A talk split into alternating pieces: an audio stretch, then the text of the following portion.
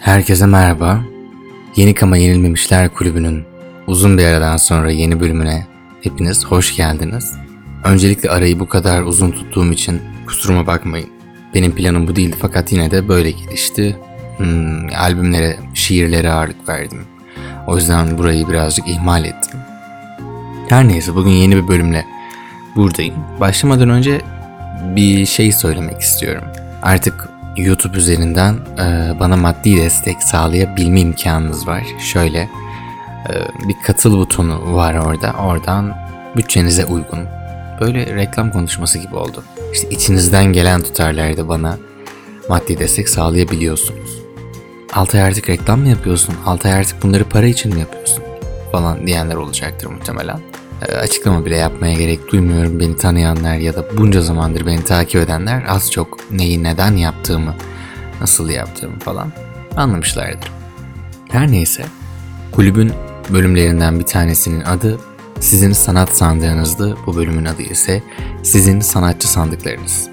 Neden böyle bir başlık attık ya da ben neden haftalar sonra aylar sonra tekrardan bir podcast hazırlama gereği hissettim. Arkadaşlar bildiğiniz gibi bir taciz silsilesi, bir ifşa silsilesi meydana geldi. Yaşandı artık her ne dersek. Bununla alakalı e, söylemek istediğim bazı şeyler olduğu için konusu açılmışken e, Emrah Serbest'i biliyorsunuz. Emrah Serbest Hikayem Paramparça kitabında e, aynı zamanda Afili Filintalar blogunda yazmış olduğu bir yazıda şey diyordu. İşte falanca yazarı çok seviyorum ama son yaptığı olaydan sonra ondan soğudum falan filan. Bu bakış açısı yanlıştır. Yazarların özel hayatını ciddiye almamalıyız. Yazarların karakterini ciddiye almamalıyız.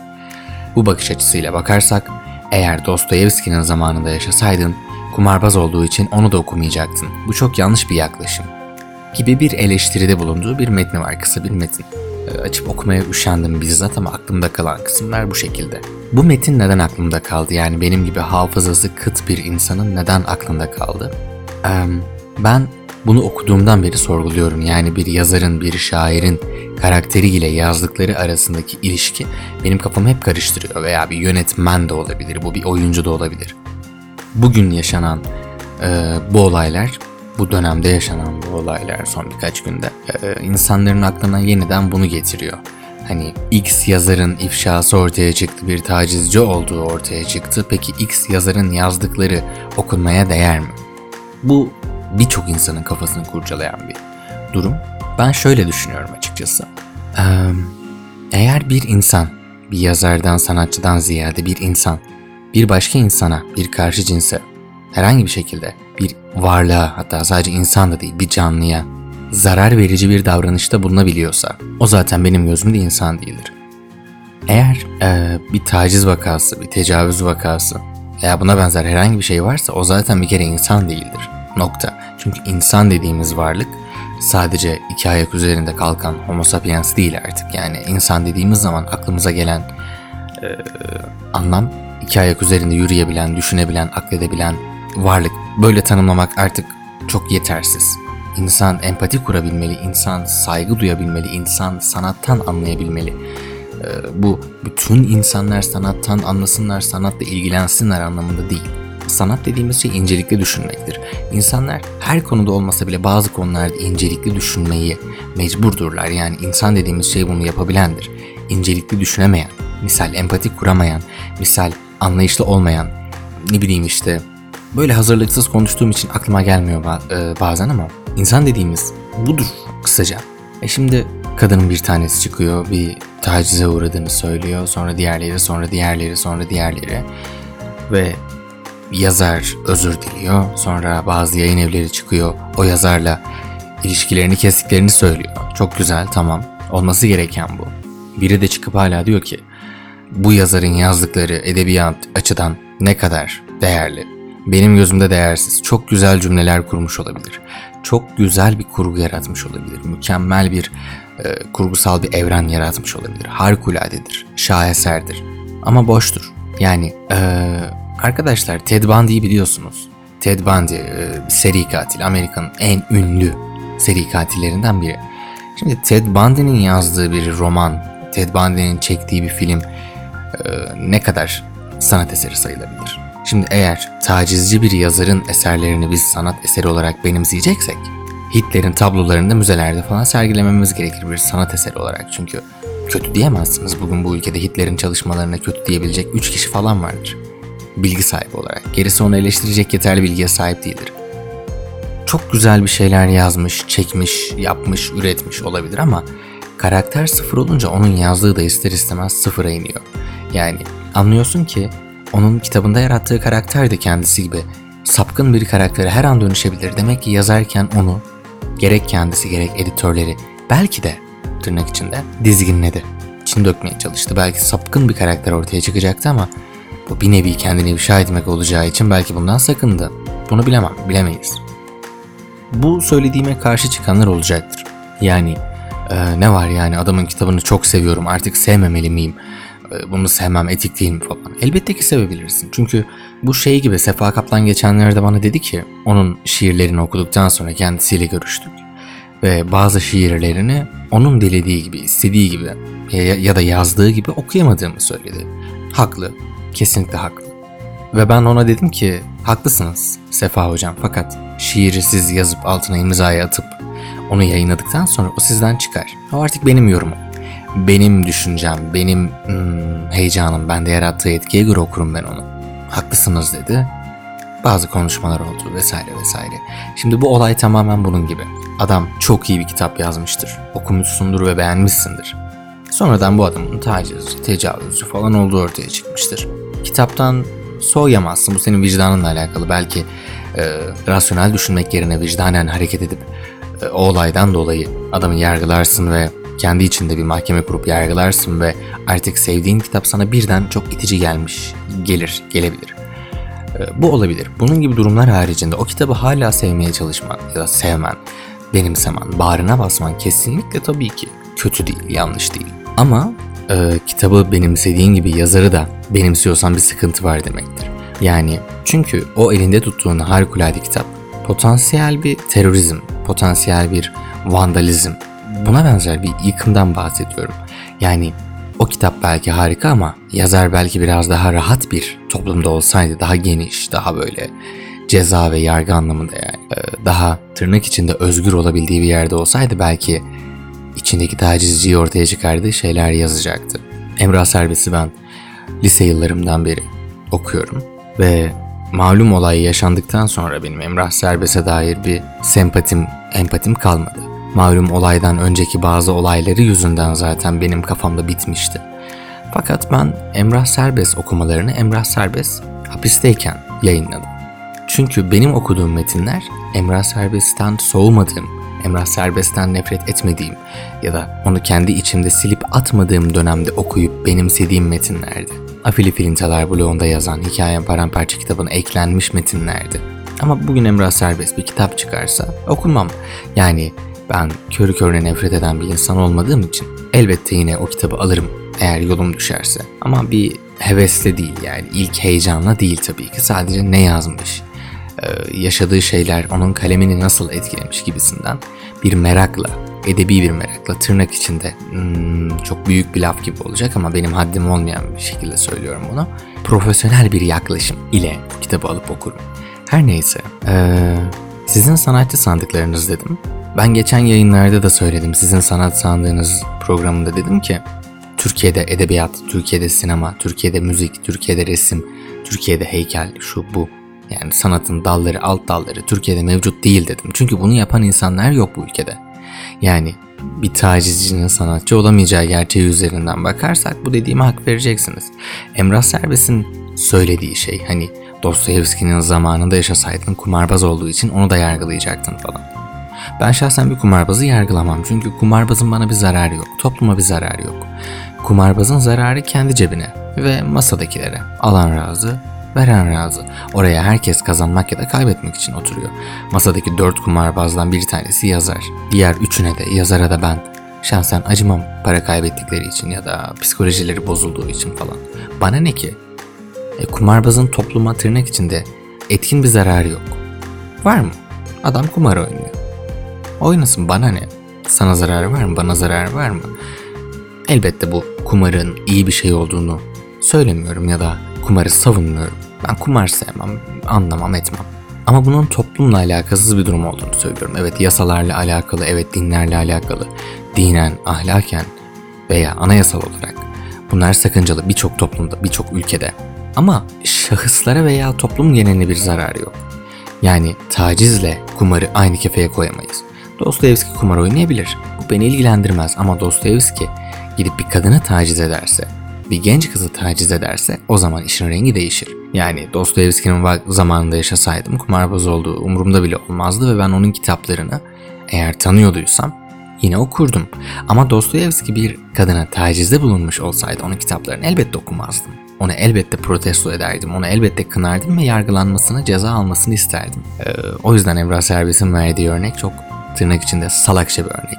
Yani alkol alıp e, 180-200 kilometre hızla gidip bir trafik kazasına yol açıp bir aileyi katletmekle kumar oynamak aynı şey değil. Yani bu tırnak içinde kendini aklama çabaları benim oturma organımda güldüğüm bir durum. Sanatçı olmamasından bahsederken vermek istediğim bazı örnekler var. Şimdi illa birilerinin çıkıp da tacizci, tecavüzcü olarak ifşa edilmesi mi gerekiyor bizim bir şeyleri anlamamız için? Bugün benim gözümde eee, bir kadını taciz eden yazarla ard arda kitaplar çıkaran ne bileyim işte eee, dergilerde orada burada edebiyatın içine ederek kendini edebiyatçı zanneden ahlaken, manen, madden sanatçı olarak benimsenemeyecek bir duruşu olan biri ile bir tecavüzcü. Benim gözümde aynı arkadaşlar yani lafı biraz daha açalım. Şöyle söyleyeyim. Şimdi bir yazar var. Bu yazar ay yaşın teki kendine içiyor eyvallah tamam sıkıntı yok konuşma, uslup, incelik, zarafet, edep, ahlak bunlardan yoksun bir varlıktan bahsediyoruz. Diyeceksiniz ki tabii ki herkes ahlaklı olmak zorunda mı ya da sen kimsin insanların ahlakı üzerinden yorum yapabiliyorsun? Elbette insanların ahlakı üzerinden yorum yapmıyorum. Fakat sanatın, edebiyatın barındırdığı bazı incelikler vardır. Yani bir duvar ustasıyla şairi birbirinden ayıran şeyler vardır. Sadece kalem tutabilmek değildir. İnce düşünebilmektir mesela en önemlisi. Benim gözümde, benim nazarımda en azından. Ee, olaylara farklı bir yerden bakabilmektir. İnceliktir, zarafettir, edeptir, ahlaktır. Ee, bilmektir, öğrenmektir ve bunlara duyulan arzudur. Yani bilen şair değildir, bilmek isteyen şairdir. Özetle. Bu saydığım şeylerin hiçbiri X şairde, tırnak içinde şairde barınmıyor. Ee, çok tuhaf şiirleri var. Şiir demeye bin şahit. Bu adamın mesela yarın bir gün ifşa olacağını, yarın bir gün linç edileceğini çok iyi biliyorum. Yani ben seni severim sevmesine ama toplum buna hazır değil. Hmm. Kimi seversin de senin kimi sevmene toplum razı değil veya hazır değil kardeşim. Yani bugün baktığımızda bu toplum bir erkeğin nasıl bir kadını sevmesine hazır değil. Mesela 40 yaşındaki bir erkeğin 15-16 yaşındaki bir kızı sevmesine herhalde bu toplum. Hazır değil değil mi? Başka neye hazır olmayabilir ki? Hadi hep beraber inceleyelim. Ben seni severim sevmesine ama toplum buna hazır değil. Toplum neye hazır değil? Senin bir kadını sevmene mi? Bence gayet hazır. Çünkü herkes herkesi sevebiliyor. Dizilerde, filmlerde bu işleniyor. Düğünler, nişanlar yapılıyor. İnsanların birbirini sevmesi toplumun binlerce yıldır hazır olduğu bir şey. Peki hazır olmadığı ne var? Mesela hmm, pedofili var. Hmm, ne bileyim işte negrofili var. Zoofili var. Ensest var. Toplum bunlara hazır değil. Ben seni severim sevmesine ama toplum buna hazır değil. Neyse, acaba seçeneklerden hangisi? Belki senin yaşın küçük, belki benim ruhum ölü. Belki senin yaşın küçük. Hmm, zoofili olamaz. Negrofili de olamaz. Ee, Yaşın küçük değil, yaşın bayağı büyük demesi lazım bunun için. Hmm, ensest olacağını düşünmüyorum. Geriye bir seçenek kalıyor. Pedofili. Ee, bu sadece benim bir şiirden yaptığım çıkarım. Tahmin, akla gelen herhangi bir şey, herhangi bir suçlama yönelt yöneltmiyorum ya da şöyle yaptı, böyle yazdı falan filan demiyorum. Olamaz mı? İhtimaller yok mu? Bahsettiğim bu. Arkadaşlar şimdi siz bir gün bir yoldan geçiyorsunuz ya da bir parktan geçiyorsunuz diyelim. Orada elinde şarabıyla içen çirkin, kirli biri var. Hey dostum, e, hayatta bu duruma gelmene neler sebep oldu? Seni hangi hayat bu duruma getirdi falan diye yanına gidip sohbet etmezsiniz değil mi? Böyle bir şey aklınızdan geçmez. Muhtemelen yani maalesef bu örneği vermek zorundayım. Kadınsanız ve akşam vakti ise ve yalnız başına yalnız başınızaysanız öyle birini parkta içerken gördüğünüz zaman ondan uzak gitmeye çalışırsınız. Onunla empati kurmazsınız o esnada korkarsınız çünkü ondan. Değil mi? Tehlikeli olduğunu düşünürsünüz. Sizi taciz edebileceği ihtimali vardır. Zaten böyle yetişmiş, böyle yerleşmiş bir algınız da olduğu için bu toplumda kadınlar üzerinden konuşuyorum. Yani taciz, tecavüz vakalarından dolayı her an tetikte bir düşünme yapısına maalesef ki zorunda bırakıldıkları için böyle birinin yanından uzaklaşırsınız. Böyle biri eline kalem alıp da kitap yazdığı zaman neden onun imza gününe koşuyorsunuz? O aynı adam işte sadece kitap yazabiliyor. Başka bir yeteneği yok. Yani okuma yazma öğrenmiş o kadar. Anlatabiliyor muyum? Hani bir şeyler ifşa olana kadar bir şeylere körü körüne bağlanıyoruz biz. Ya adama bak ya yazdıklarına bak, davranışlarına bak. Yani onun özel hayatı beni ilgilendirmez deme. Özel hayatında yaptığı şeyleri kitaplarında da yapar. Yarın baş başa kalırsanız sana da yapar. Yani bugün çok sevdiğimiz sanatçılar var değil mi? Haluk Bilginerler var ne bileyim. e, neydi o adamın adı? Hmm, aklıma gelmedi. Haluk Bilginer zaten en akla gelen örnek. Çok seviyoruz hepimiz. Ülkece bayılıyoruz. Dünyada gururumuz falan bizim ama e, bu adam eşini dövüyordu abi. Yani şiddet uyguluyordu. Günümüz tabiriyle, eski tabirle dövüyordu. Cemal Süreyya da aynı şey. Edebiyat deyince aklımıza geliyor ama üstad falan filan bilmem ne diyoruz ama o da aynısını yapıyordu. O zaman bizim burada bir durmamız gerekiyor. Ya insanların taciz, tecavüz, hırsızlık, kumar gibi şeylerine hiç karışmayacağız bir bir aydın sınıfı yaratacağız tamam mı? Toplumsal bir kast sistemi. Şairler, yazarlar, sinemacılar, e, bilimum, sanatçılar her türlü suçu rahatlıkla işleyebilirler ve yargılanmazlar gibi bir kanun çıkarıp rahat edeceğiz. Ya da bu adamların, bu insanların özel hayatlarında yedikleri bokları onların sanatından ayrı görmeyeceğiz. Çok iyi bir aktör. Evet. Ama eşine şiddet uyguluyor kardeşim. Vaktiyle cahillik etti, şu oldu bu oldu bilmem ne tamam. Hadi öyle diyelim geçiştirelim. Yargılandı mı? Hayır. Neden bugün gündem olmuyor?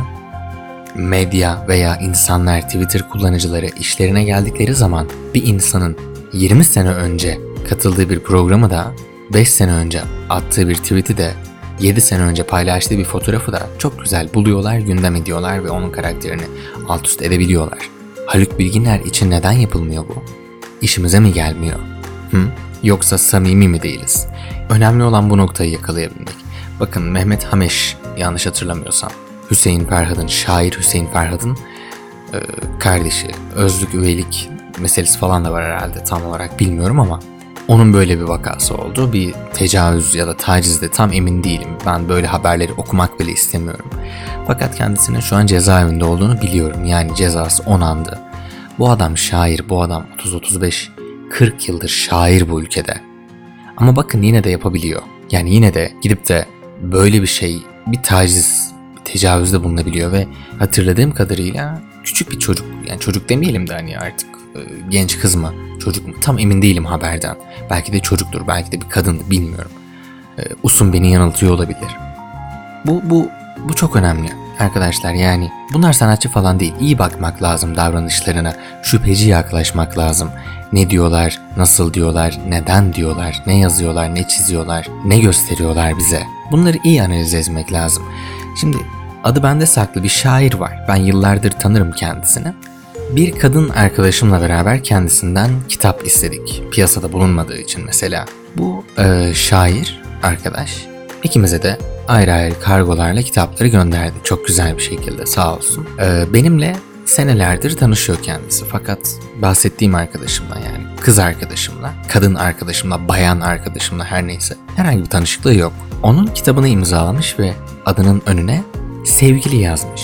Sevgili X ya da X'e sevgilerimle gibi bir ibare. Benimkinde hiçbir şey yok. Sadece tarih var. Güzel kardeşim bana da yazsana sevgili Altay. Altay'a sevgilerle senelerdir benim kitaplarımı ısrarla okuyan, okuyan beni seven, halimi hatırımı soran, e, bana sahip çıkan, benim şiirlerime ses veren Altay'a. Bir teşekkür babında. Kardeşim yaz, canım yaz, sevgili yaz, dostlukla yaz, arkadaşlıkla yaz, iyilik yaz, güzellik yaz. Niye yazmıyorsun? İçinden neden gelmiyor? Tamam, bana karşı. Olumlu hiçbir düşüncen yok. Yıllardır tanıştığımıza rağmen. Peki 3 gün önce sana yazan insan ne ara senin için sevgili oldu? Tırnak içinde kadın olduğu için mi? Hı? Altay sen çok şüphecisin Altay sen. Ne kadar fesatsın, ne kadar kötü şeyler söylüyorsun falan. E biliyorum da konuşuyorum. Erkek şairlerin kadınlara, kızlara, genç kızlara ne kadar düşkün olduğunu bildiğimi biliyor musunuz? Çok düşkünler. Bir tanesiyle de Twitter'dan. Twitter'da ifşa ettim kendisini. İfşa etmedim, ifşa yanlış olur. Tespit ettim. Ee, 44 müydü, 46 mıydı? O yaşta bir beyefendi kendisi. Avukat aynı zamanda. Ee, 19 ya da 20 olması lazım. 19-20 yaşında bir kızın bütün sosyal mecralarda, sosyal medyadaki bütün mecralarda profillerini tek tek buluyor. Yani Twitter'ını buluyorsa Instagram hesabını buluyor, işte şunu buluyor, bunu buluyor. Ve her yerden bütün gönderilerine beğeniler, yorumlar, şunlar bunlar. Ya kızın paylaştığı hiçbir şey yok. 46 yaşında bir adama göre 20 yaşındaki bir kız ne paylaşabilir? Okuduğu kitaptan bir sayfa paylaşıyor ayda yılda bir o kadar. Onun dışında hep kendi fotoğrafları. Bütün her şeyi beğeniyor bu adam. Ee, bunda ne var beğenebilir. Çünkü kız kitap paylaşıyor değil mi? Adam da edebiyat sever, edebiyatçı. Tabii ki beğenmesi gayet normal. Ben ona bir diskografi sundum. Yani yayın, diskografi demeyelim. Yayınlamadığım eserlerden oluşan. Dinleyip yorum yapması için. Geri dönüş bile olmadı. Yani şöyle oldu. Harikasın, şusun, busun falan filan. Evet çok güzel teşekkür ederim. E dinlemedi bile. Okumadı, sohbet etmedi. Özellikle hayatımda ilk defa sırf merakımdan bir şey paylaşmasını istedim ondan. Bir şeye yorum yapmasını. Yaklaşık 4 gün boyunca çok yoğun olduğu için bunu yapamadığını söyledi ve bu esnada o kıza hep yorum yaptı. Ve ben kendisiyle telefonda konuştuğumda böyle böyle davranışlarda bulunduğunu tespit ettiğimi ve yaşından başından en azından utanması gerektiğini söylediğimde bana dedi ki bu gönül. Bunu anlayamazsın. Vay be. Ben anlayamam. Arkadaşlar yani kendinden 25-30 yaş küçük bir insanı sosyal medyadan sapkıncasına, sapkın bir şekilde, sapık bir şekilde takip etmek, işte istek atmak, beğeni yapmak, şunu yapmak, bunu yapmak gibi şeylerin sevda olduğunu, gönül işi olduğunu ben anlayamam. Ben çünkü şiirlerden öğrendiğim kadarıyla sevdanın böyle bir şey olmadığını biliyorum. O yüzden bu tür sevdayı anlayamıyorum. Sonuna kadar da bu düşüncemin arkasındayım. Bunun sevda ile, gönül ile, edebiyat ve sanat ile zerre kadar alakası yok. Bunun orospu çocukluğuyla alakası var. Gerçekten. Size bunun gibi birçok örnek sayabilirim. Birçok profil gösterebilirim. Davranışlarına baktığım zaman bazı insanların bunu artık sezebiliyorum. Bir tür reflekse dönüştü. Bunu anlayabiliyorum. Ama bazı isimlere hiç şaşırmıyorum. Bugün ifşa olanlara, yarın olacak olanlara. Ben etmeyeceğim. Yani şu an için öyle bir düşüncem yok. Çünkü burası pis bir yer. Şöyle pis bir yer. Hmm, yani haklı çıkarlar arkadaşlar. Yayın evleri arkalarında durur. Hayran kitleleri der ki iftira hocam senin yanındayız seni seviyoruz. Hı hı, öyle olur. Olan bana olur. Ne gerek var değil mi? Ama ee, birazcık birazcık gözümüzü açalım istiyorum. Öyle her sanatçıyım diyen sanatçı olmuyor. Bugün 50 tane grup var böyle antin kuntin isme sahip. iki tane zırtapos söz yazıyorlar. Eve geldim, kapıyı çaldım, sen kapıyı açmadın, ben kapıda kala kaldım. Buradan çıktım, bakkala gittim. Ekmek alacaktım, aklıma geldin, çarçurt falan filan. Böyle şarkı sözleri var tamam mı? Bunu yapan insanlara biz sanatçı diyoruz, tırnak içinde. Bu ülkede. Orhan Taylan var ressam. Ona da sanatçı diyoruz. Hakan Savlı'ya da sanatçı diyoruz. Zeynep Kura da şair. Sanatçı diyoruz, şair diyoruz. E kim sanatçı? Kim şair? Neye göre? İşte bu ülkede bir sanat kültürü, sanat geçmiş olmadığından böyle saçma sapan her önüne gelene biz sanatçı diyoruz, şair diyoruz, yazar diyoruz, besteci diyoruz, müzisyen diyoruz. Ben söyledim ben çok eleştiri aldım. Hmm, Sezen Aksu'nun bir müzisyen olduğunu düşünmüyorum dedim yani. Değil. Dinlenilesi bir insan değil. Ama şöyle şöyle bestesi var. Şunu şunu yaptı, şu şarkıları yaptı. Evet Çakkıdı'yı da yaptı. Ne var yani? Neden sadece size ajitasyon yapan, vicdanınıza oynayan şarkıları dinleyip de onun sanat olduğunu düşünüyorsunuz ki? Sadece arabesk işte. Popla karıştırılmış arabesk. Hiç yeni bir şey değil. Dünya tarihinde, dünya müzik tarihinde dünya müziğine damga vurmuş biri değil. Vuramaz da.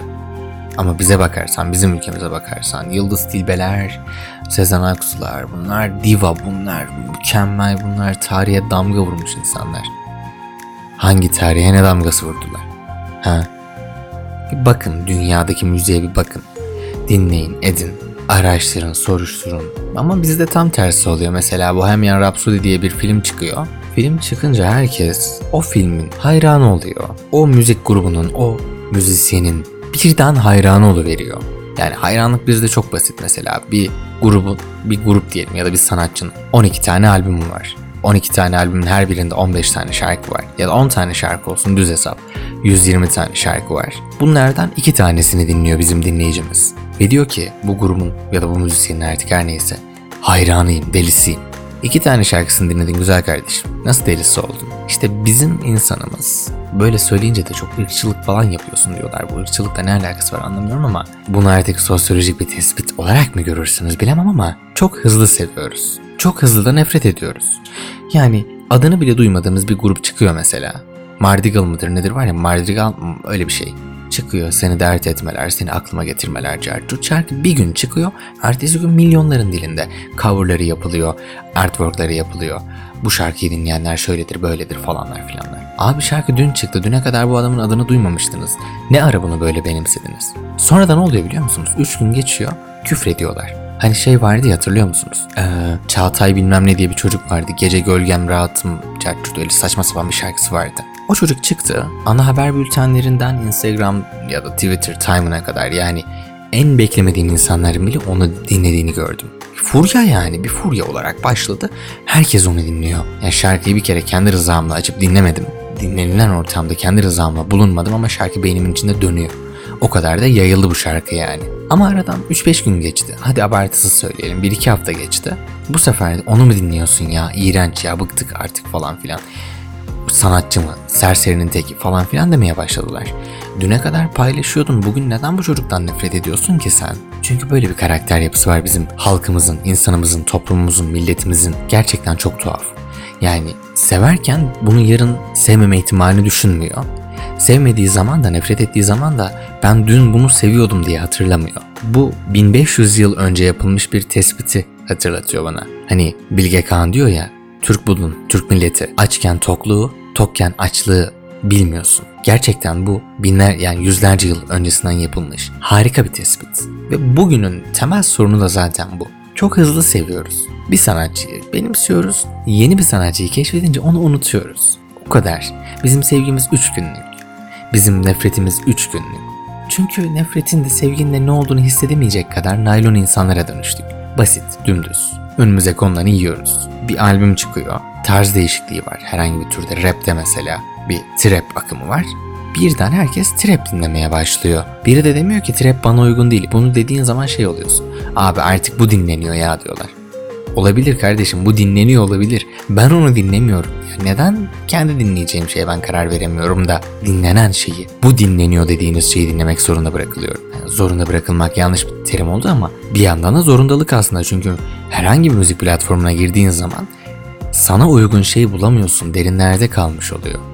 Onlar da zaten adından sanatçı oldular bugün. O ayrı bir podcast konusu. Yani trapçiler ya da günümüz rapçileri artık ne derseniz. Arkadaşlar gerçekten insan bir şeylere kayıtsız kalamıyor. O yüzden kayıttayım şu an.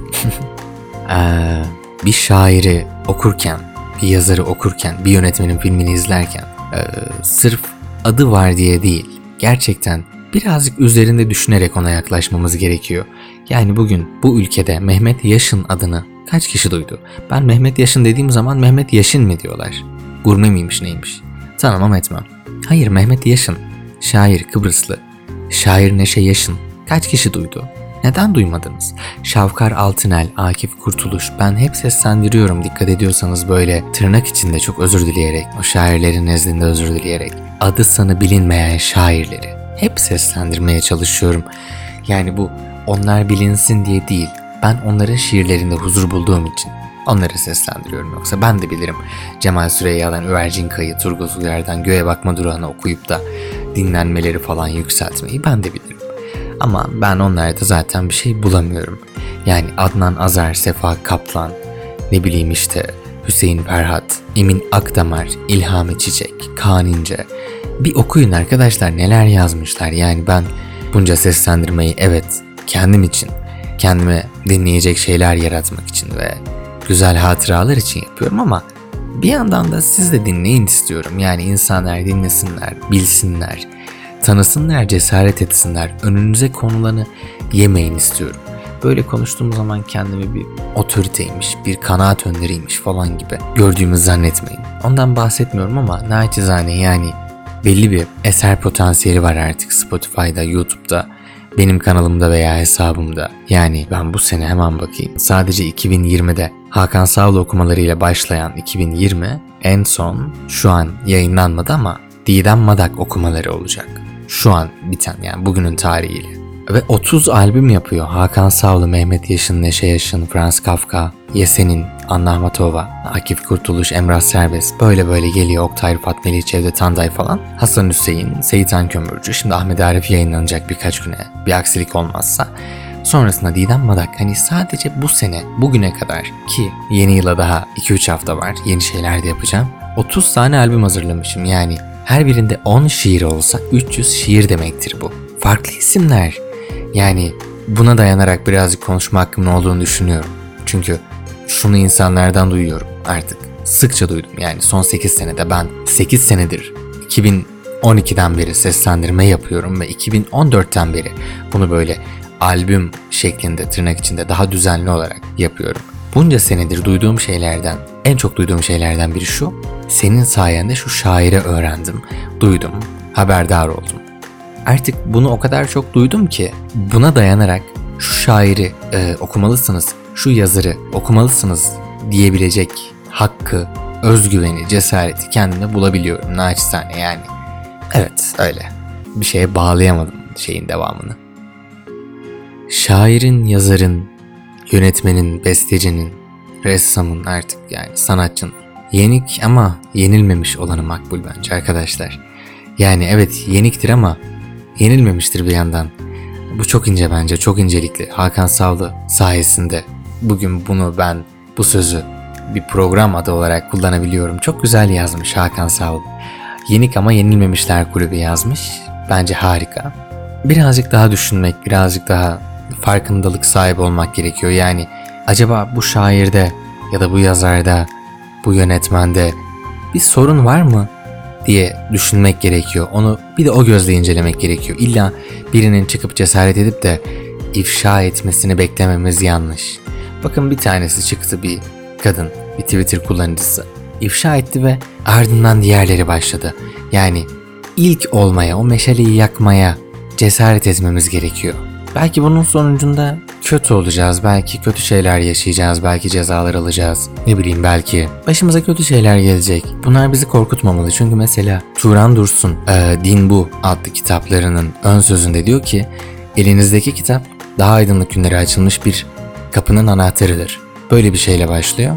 Ve diyor ki hani bu kitapta anlattığımız şeyler birçok insanın uykularını kaçıracak, kalbini kıracaktır ama Gerçeklere ulaşmak için de bazı insanların kalplerini kırmamız gerekecek diyor. Yani demem o ki hani belki kalbimiz kırılacak, belki canımız yanacak, belki kötü şeyler yaşayacağız ama bunlar bizi yıldırmamalı. Yani biz artık bu devirde bu, bu kadar şeyi gördükten sonra doğruyu yanlışı birazcık kendi içimizde tartmalıyız. Öyle her ben iyiyim, ben şuyum, ben buyum diyene kanmamalı. Aynı şekilde tutup da hmm, bu kötü, bu yanlış diyenlere de kanmamalıyız. Çünkü böyle bir suistimal e, ihtimali de var artık bizim duygularımızı, vicdanımızı kullanan tamamen masum olanlara çamur atabilecek potansiyelde kötü insanlar da var. Kendi aklımız tek rehberimiz olmalı. Yani bunun başka bir yolu yok.